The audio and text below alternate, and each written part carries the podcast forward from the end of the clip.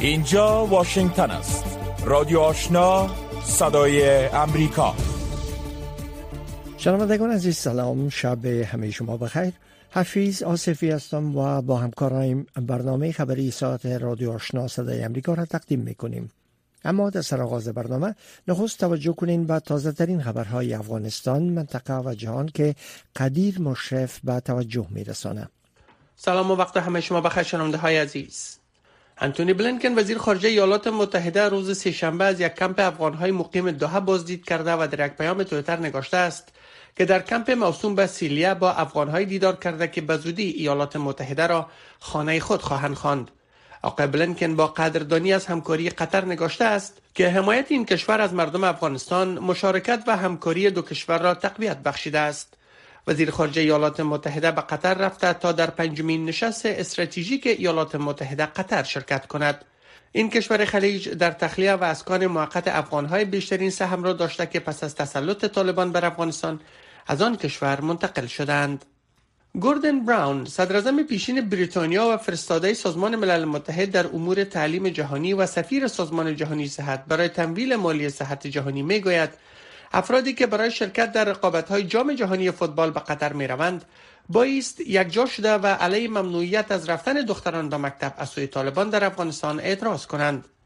آقای براون در یک پیام تویتر نگاشته است که جهان اسلام در بیرون از افغانستان از تحصیل دختران استقبال و تشویق می کند.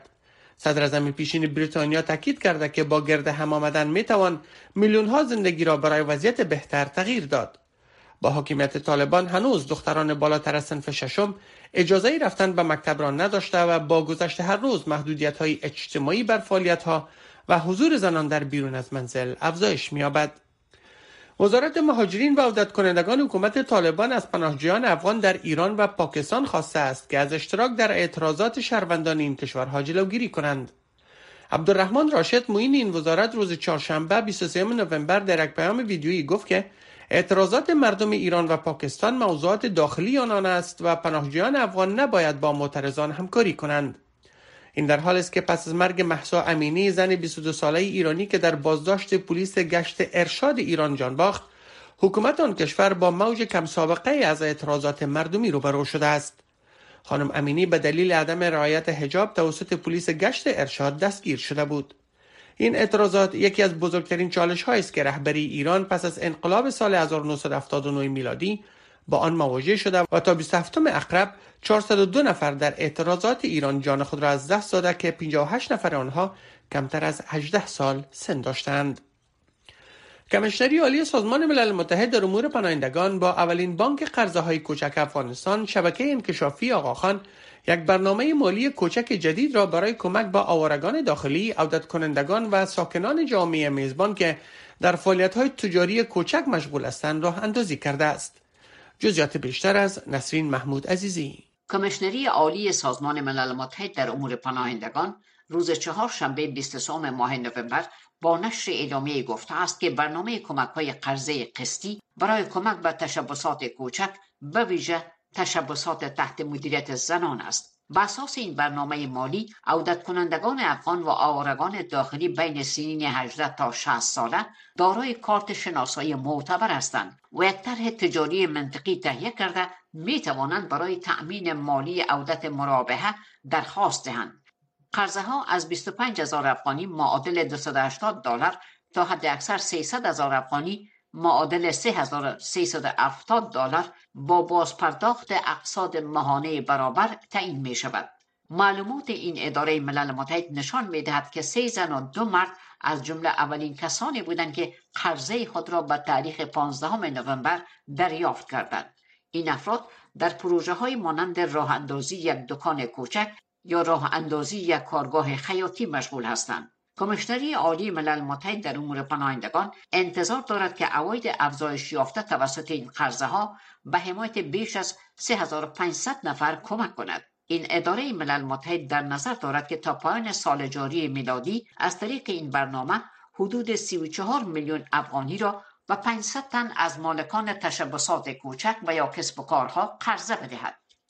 دفتر هماهنگی امور کمک های بشری سازمان ملل متحد یا اوچا می‌گوید که با آغاز فصل زمستان و سرد شدن هوا کم از کم 24.4 میلیون نفر در وضعیت نامید کننده در افغانستان زندگی می کنند. این اداره ملل متحد در یک پیام تویتر گفته است که در حال حاضر در برخی از بخش های این کشور برف باریده و همچنان بسیاری از خانواده های نیازمند هوای بسیار سردی را تجربه می کنند. در این حال کمشنری عالی سازمان ملل متحد در امور پناهندگان یا UNHCR می گوید که همزمان با آغاز فصل زمستان روند کمک رسانی و رسیدگی به نیازمندان در افغانستان را شدت می دهد. سازمان جهانی صحت می گوید که برای آماده سازی امکانات مورد نیاز صحی برای فصل زمستان 700 تن تجهیزات و بسته های اضطراری صحی را در نقاط دوردست افغانستان جابجا کرده که به گفته این سازمان برای سه ماه کافی خواهد بود. این سازمان گفته است که این تجهیزات طبی جمعیت در حدود چهار میلیون افغان را پوشش می دهد که بیش از یک میلیون نفر به عنوان زینف مستقیم هستند. بر اساس معلومات این سازمان در ولسوالی هایی که این تجهیزات جابجا شده است در فصل زمستان دسترسی به آن مناطق سخت است و مردم در برابر بیماری ها آسیب پذیرند. همچنان سازمان جهانی صحت تیم هایش را به شفاخانه ها جهت ارزیابی فرستاده تا اطمینان حاصل شود که تمام شفاخانه ها برای زمستان آمادگی دارند. بر علاوه این سازمان جهانی صحت کارمندان صحی را در نقاط مختلف آموزش می دهد تا جوامع در برابر وقایع و معالجه امراض توانمندی لازم را کسب کنند. وزارت صحت حکومت طالبان یک کمپاین پنج روزه تطبیق واکسین پولیو را در چهار ولایت شرقی افغانستان که هم مرز با پاکستان است را اندازی کرده که قرار است فردا پنجشنبه پایان یابد. با گفته شرافت زمان سخنگوی این وزارت واکسین پولیو برای جلوگیری از فلج کودکان زیر پنج سال در ولایت ننگرهار کنر نورستان و لغمان به گونه عادی جریان دارد و قرار است تا پایان این کمپاین یک یک میلیون کودک واکسین پولیو را دریافت کنند. آقای زمان از باشندگان این چهار ولایت خواسته تا اطفالشان را که کمتر از پنج سال عمر دارند واکسین کنند تا از بیماری فلج در امان بمانند. پولیو تداوی ندارد و تنها راه جلوگیری از ابتلا به این بیماری انداختن دو قطره واکسین از راه دهن و کودک است. فضل احمد معنوی وزیر عدلیه نظام جمهوریت در افغانستان می گوید که دوسیه های جنایی را به محکمه بینالمللی جرایم جنایی هاگ در هالند تسلیم کرده است. آقای معنوی در یک پیام تویتر نگاشته است که گفتگوها در مورد این قضایا با مقامات بلندپایه محکمه هاگ انجام شده است. وزیر پیشین عدلیه افغانستان در این پیام تویتر بدون که معلومات بیشتری در مورد این دوسیه ها بدهد به مردم اطمینان داده است که به زودی نتایج این گفتگوها اعلام خواهد شد. حکومت طالبان تا زمان تهیه این خبر در خصوص اظهارات آقای منوی ابراز نظر نکرده است. ادامه خبرهای منطقه و جهان را از رادیو آشنا میشنوید. سپاه پاسداران انقلاب ایران می‌گوید که یک تن از افسران آنان در اثر یک انفجار در سوریه کشته شده است. سپاه روز چهارشنبه 23 ماه نوامبر نام افسر کشته شده خود را جنرال داوود جعفری اعلام کرده و گفته است که اسرائیل مسئول این انفجار است.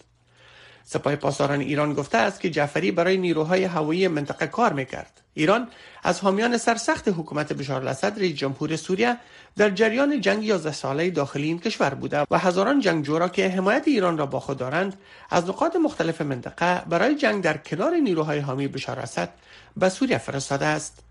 در حالی که ایران همواره گفته است نیروهای این کشور نقش مشوره‌دهی را در جنگ سوریه دارند از آغاز این جنگ ده تن از نیروهای ایرانی کشته شدند. مسئولان امنیتی در ایالت ویرجینیا ایالات متحده گفتند که در نتیجه گلوله‌باری در یک فروشگاه ناوقت شام سهشنبه 22 نوامبر کم از کم شش نفر کشته شدند.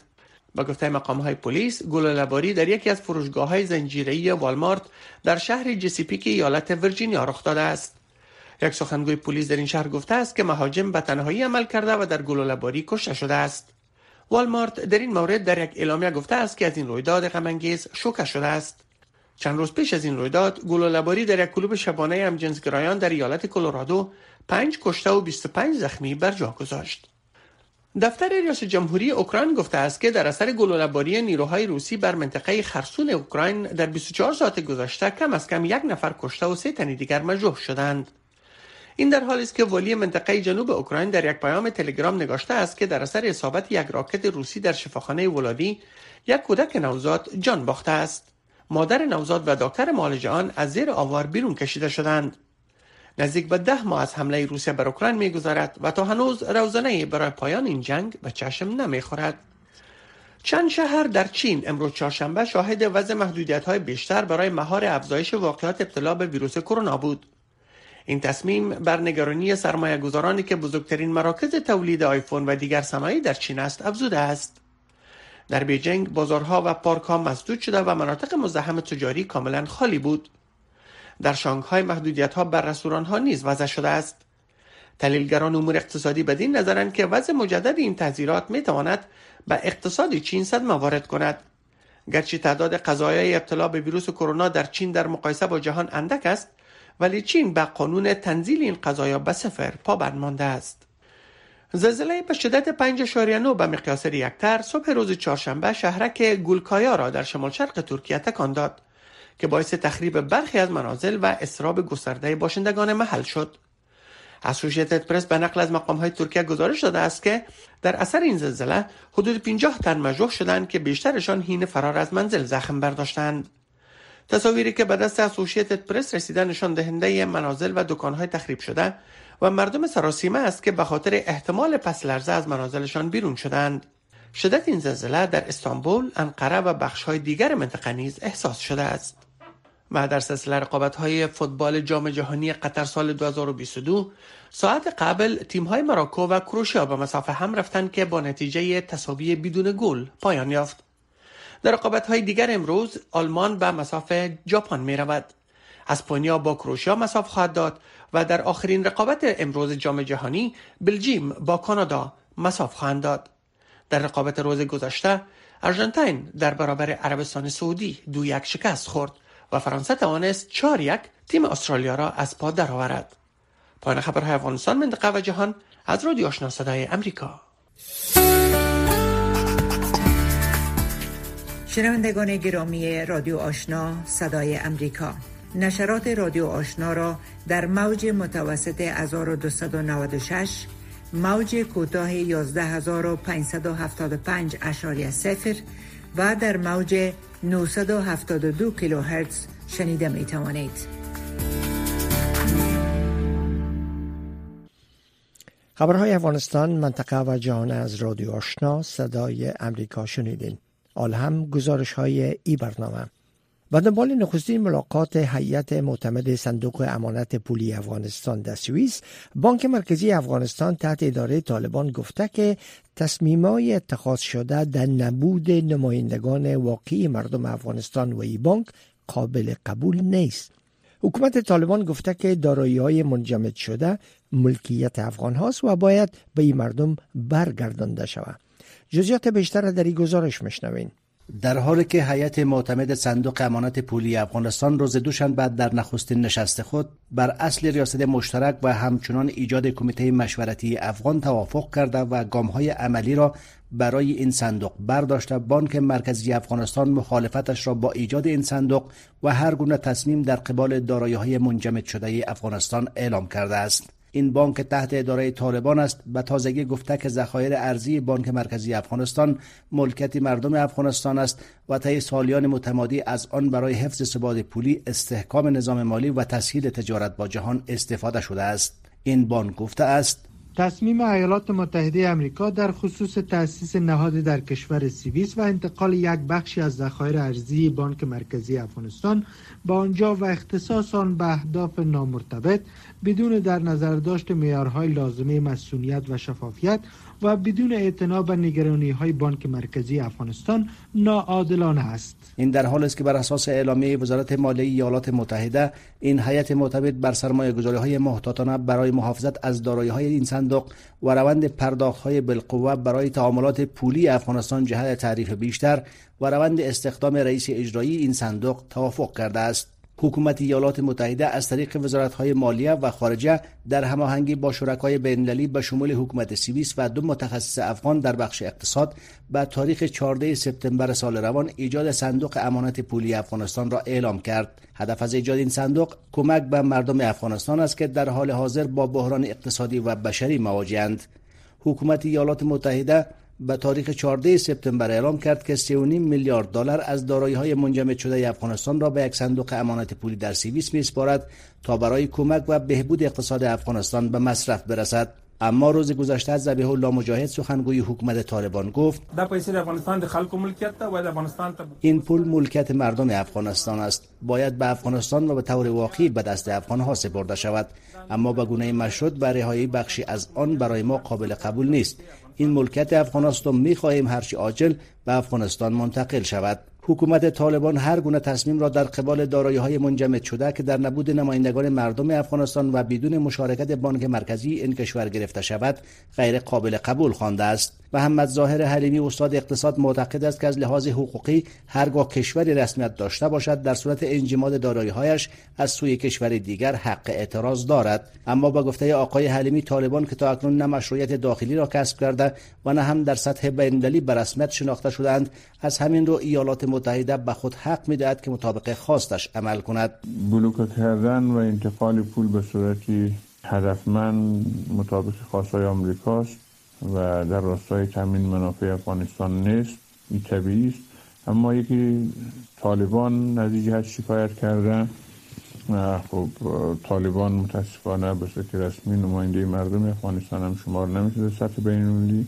بنابراین اگر طالبان می‌خواین در تمام دارای های سرزمین مالکیت داشتشان باید تلاش کنند که رسمیتی داخلی و بینونی را به دست بیارن. ایسا رضایی دیگر استاد اقتصاد به این نظر است که نمایندگان افغان در این صندوق به ویژه انوارالحق احدی قابل اعتماد همه مردم افغانستان نیست و از همین جهت در ساختار میکانزم نظارتی این صندوق حضور نهادهای مدنی افغانستان و نمایندگانی از مردم افغانستان لازم بود. آقای رضایی افزود این که حکومت طالبان خود را نماینده مردم افغانستان می‌داند بیهود است چون این گروه نماینده فکری یک و بخشی از مردم افغانستان می تواند باشد که باورمند به تفکر طالبانی اند. این استاد اقتصاد افزود که احتمال دارد دارایی های خالص بانک مرکزی و یا هم سرمایه های سکتور خصوصی که از طریق بانک مرکزی در خارج سرمایه گذاری شده بود به این صندوق امانت سپرده شود. در هر صورت دارایی مردم افغانستان هست چی مربوط به بخش خصوصی باشه چی مربوط به بخش دولتی باید یک مکانیزم شفاف و پاسخگو برای حفاظت از این دارایی ها و به چرخش درآوردن این دارایی ها برای کسب سود بیشتر اختصاص داده شود و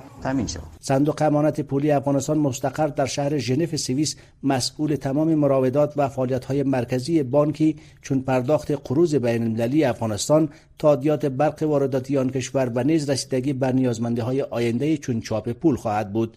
این صندوق پولی از سوی هیئت متشکل از نمایندگان امریکا، سوئیس و دو مقام پیشین افغان انوارالحق احدی که در گذشته رئیس بانک مرکزی و وزیر مالیه افغانستان بود و شاه محمد مهرابی عضو شورای عالی بانک مرکزی افغانستان و استاد کالج ایالات مریلند امریکا نظارت خواهد شد. تلویزیون آشنا دریچه شما و سوی جهان نه تنها در صفحه تلویزیون بلکه در صفحه اختصاصی فیسبوک تلویزیون آشنا. در وبسایت دری با آدرس voanews.com دری. در یوتیوب با آدرس voa افغانستان دری. و در صفحه اینترنتی تویتر. تلویزیون آشنا در هر زمان و هر مکان پیوند دهنده شما با جهان.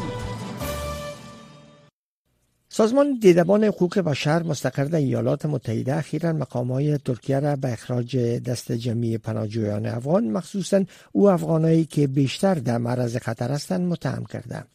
دوریان جونز خبرنگار صدای امریکا از استانبول گزارش فرستاده که جزئیات او را از فرخنده پیمانی میشنوین احمد روزهای دشواری را پشت سر میگذراند. احمد نام مستعار این جوان است و ما از فاش کردن هویت اصلی او در این گزارش به دلایل امنیتی خودداری می کنیم او که قبل از تسلط طالبان بر افغانستان یک پیلوت آموزش دیده در ایالات متحده بود و در مقابل طالبان می جنگید از سال گذشته به این سو در شهر استانبول ترکیه به سر می‌برد. و منتظر رسیدگی به درخواست پناهندگیش به امریکا است. احمد حالا در سایه اخراج ترکیه زندگی می کند. من خودم چندین نفر را می‌شناسم که اخراج شدهاند و تعداد از آنان نظامیان سابق افغان بودند. طالبان می‌گویند که نیروهای نظامی در دولت سابق را بخشیدند اما این حقیقت ندارد. هنوز هم این خبرها را میشنویم که طالبان به دنبال آنان هستند و به انواع مختلف کشته می‌شوند و ربوده می‌شوند. ریاست تنظیم مهاجرت ترکیه می‌گوید که در سال جاری بیش از 50 هزار افغان را از طریق هوایی به افغانستان اخراج کرده است.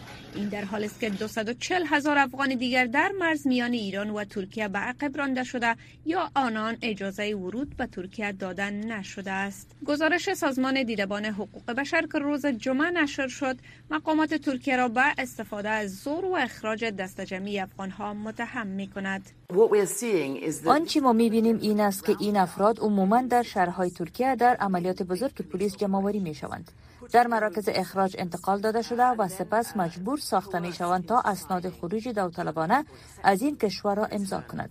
عنوان گزارش ما هیچ کس از من نپرسید که چرا افغانستان را ترک کردم است و این خلاصه ای از این حقیقت است که به هیچ کس فرصت ارائه درخواست پناهندگی در ترکیه داده نشده است. مقامات ترکیه اتهام اخراج اجباری افغانها را شدیدا رد کرده و می‌گویند که آنها بر اساس معیارات بین المللی عمل می کنند. ترکیه میزبان نزدیک به چهار میلیون پناهنده عمدتا سوری است با این حال با افزایش نارضایتی مردم در مورد پناهجویان و انتخابات سال آینده دولت از ورود پناهجویان بیشتر به این کشور حراس دارد. تعداد پناهجویان جدید افغان که در این اواخر به ترکیه می آیند بیشتر و بیشتر از پناهجویان سوری است. بنابراین دولت ترکیه از رسیدن موج جدید پناهجویان افغان به این کشور حراس دارد. انتظار می رود که با نزدیک شدن تاریخ انتخابات در ترکیه پروسه جمعوری و اخراج افغان ها تشدید شود. مقامات همچنین اعلام کردند که اجازه اقامت بسیاری افغان ها در استانبول به شمول احمد تمدید نخواهد شد. اجازه اقامت احمد در ماه جاری میلادی به پایان می رسد اما احمد می‌گوید آخرین مصاحبه او برای درخواست پناهندگی به ایالات متحده تا چند هفته دیگر خواهد بود. و امید او برای یکجا شدن دوباره او با همسر و چهار فرزندش می باشد این یک مسابقه با زمان است. بنابراین امیدوار هستم که به ایالات متحده بروم زیرا خانواده من در آنجا است. من هر زمانی که در سرک ها قدم می‌زنم می ترسم که مبادا پلیس ترکیه مرا متوقف کرده و اسناد بخواهد که من آن را ندارم. بنابراین ممکن با اخراج اجباری مواجه شم و از اخراج به افغانستان بسیار زیاد می ترسم هفته های آینده روزهای تعیین کننده زندگی احمد است. اخراج به افغانستان و مرگ احتمالی و یا آغاز یک زندگی جدید با خانوادهش در امریکا بیماری پولیو در سطح جهان محو گردیده اما افغانستان و پاکستان هنوز هم با این ویروس دست و پنجه نرم می کند تنها راه از بین بردن این بیماری شرکت در کمپاین های تطبیق واکسین پولیوست. کودکان زیر سن پنج سالتان را واکسین کنید تا از فلج در امان بمانند.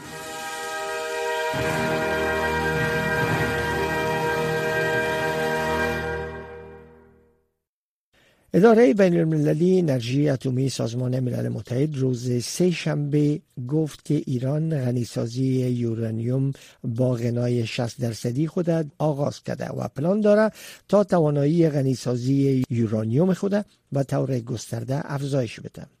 ادامه تلاش ایران برای توسعه غنیسازی یورانیوم چه تاثیر بر روابط ایران، غرب و امریکا دارد؟ دلیل بیشتری موضوع را در مصاحبه فوزی احسان با ویس ناصری تحلیلگر مسائل سیاسی افغانستان و منطقه مشنویم ناصری بزرگوار شما در جریان هستین سازمان انرژی اتمی ملل متحد گفته که ایران غنی سازی یورانیم خود با غنای 60 درصد آغاز کرده و همچنان در پای گسترش توانایی هایش است. به نظر شما امی اقدامات ایران چی عواقبی داره؟ به ارتباط به مسئله غنیسازی یورانیم و برنامه هسته‌ای ایران که بعد از مذاکرات بسیار نفسگیر و بسیار طولانی کشورهای شش جمع یک با ایران صورت گرفت و بالاخره نتیجهش همون توافقنامه تاریخی سال 2015 بود که به نام برجام بود. ایرانی ها متحد شدن که غنیسازی یورانیم برای ساختن مثلا مسائل هسته‌ای کاهش میتن و از او به حساب استفاده برای کارهای غیر بمب اتم اینا می‌کنن برای مسائل فقط تولید انرژی. و یک توافقنامه تاریخی بود. امروز بعد از برهم خوردن از او توافقنامه که آقای ترامپ مجولانه با احساسات وقتی که به قدرت رسید اولین فرمانش لغو برجام بود. به خاطر مسائل سیاسی متاسفانه ایرانی ها با او برخورده که با ایشان صورت گرفت و او توافقنامه تاریخی برهم خورد از طرف ایالات متحده امریکا و بعد از این تحولات جدیدی که در منطقه ایجاد شد و روس ها بر اوکراین حمله کردن و یک پکت جدید سیاسی نظامی در سطح جهان شکل گرفت که در میور روس ها ایرانی ها متحدشان شد و چینایی هم غیر مستقیم حداقل مخالفت نکرد با اشغال اوکراین. و ایرانی یک کشور. ایران قدرتمندانه در کنار روسا قرار گرفت و در تمام تحولات در جنگ سوریه و همچنان در مسائل داعش و غیره هم با روسا همکاری می‌کرد. امروز به حساب قدرتمندانه در جنگ اوکراین حضور داره. این جنگ و این حضور روس ایرانی ها در و برهم خوردن او توافقنامه تاریخی برجام و به عدم توافق رسیدنش که در زمانی که آقای دو سال گذشته آقای بایدن به قدرت رسید و مذاکرات دوباره آغاز کردید ولی نتیجه هنوز معلوم نیست. تحولات جنگ و قدرت نمایی دولت ایران در جنگ های مختلف در منطقه مخصوصا مخصوصا در جنگ اوکراین و خاور میانه و سوریه و اینا متاسفانه از ایران یک قدرت منطقه‌ای ساخته. و حتی سلاح ایران در جنگ اوکراین استفاده شد و روسا با او احتیاج داشتن ضرورت داشتن. همچنان ترکا با ایرانی همکاری می‌کنن دیگر کشورها. متاسفانه بدبختانه ایران دیگه ضرورتی به او توافقنامه تاریخی و ادامه از او نداره و بانجویی می‌کنه و امروز این غنیسازی یونانی هم به خاطر امو بعد از آوردن یک قدرت هسته‌ای هست. که ایران می‌خواه شود و به شدت سرزو و به نظر شما امی تلاش های ایران به خاطر غنیسازی یورانیمش چه تاثیر روی روابط خود ایران با غرب داره؟ مکنون روابط ایران با غرب بسیار تنشالود است و این اقدامات و امی گزارش هایی که ایران در پی افزایش توانایی غنیسازی است چقدر بر روابط خود ایران با کشورهای غربی و خصوص امریکا تاثیر داره؟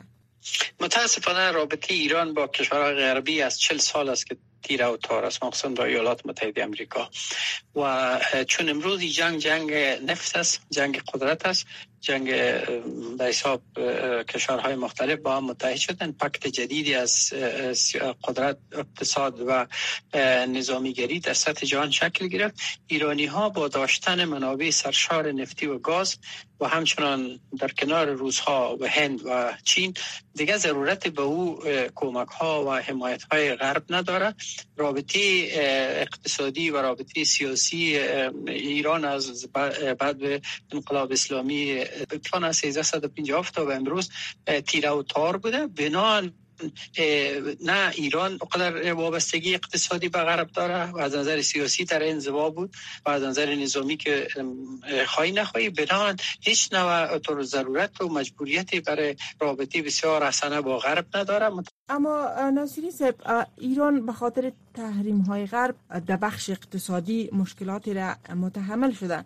به طور مثال امکنون پول ایران به سطح بسیار پایین کاهش یافته ارزشش که در تاریخ چنین نبوده. شما فکر نمی‌کنین این اقدامات تحریک آمیز ایران باعث تحریمات بیشتر شوه و این مشکلات اقتصادی بیشتره؟ با وجود بیاره این طبیعی است که به ملت ایران بسیار صدمه کلان خورده در چل سال خورده امروز هم حاکمیت باعث کشتار ملت خود میشه تظاهرات و قیام های مردم ایران مردم شریف ایران هم شما هر روز شاهد هستیم. ولی پیش دولت ها و دولت مردانی که در قصرها نشستن و حکومت و حاکمیت بیشتر از چل سال به حساب تعمیل کردن به ملت خود به اونا بی تفاوت از بی ارزش است. متاسفانه و بدبختانه این تحریم های غرب و تحریم ها و فشارها بر ملت ایران تاثیر منفی داره و هیچ تاثیر بر دولت مردان مستبد آخونده ایرانی نداره ملت شریف ایران زیر این تاثیر این تحریم ها بیشتر و بیشتر خورد میشن